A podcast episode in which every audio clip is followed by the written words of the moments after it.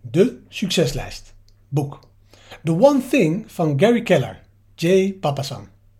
Er wordt veel geschreven over het bijhouden van een to-do-lijst en hoe die je helpt om succesvol te worden. Maar weet je wat? We zouden eigenlijk onze to-do-lijst moeten weggooien en die vervangen door een succeslijst. Dat vertelt Gary Keller ons in zijn geweldige boek The One Thing.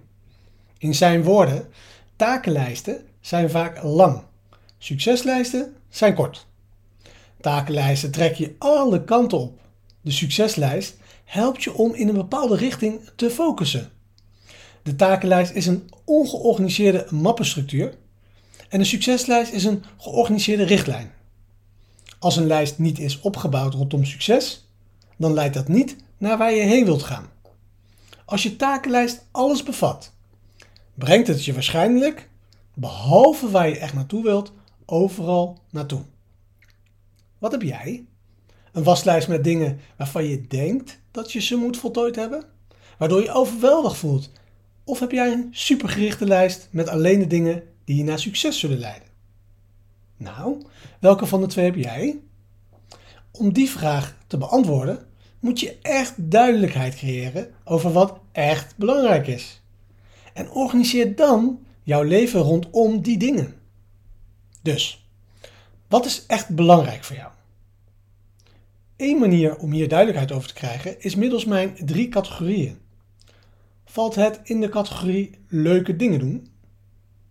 Of valt het in de categorie verantwoordelijkheid nemen?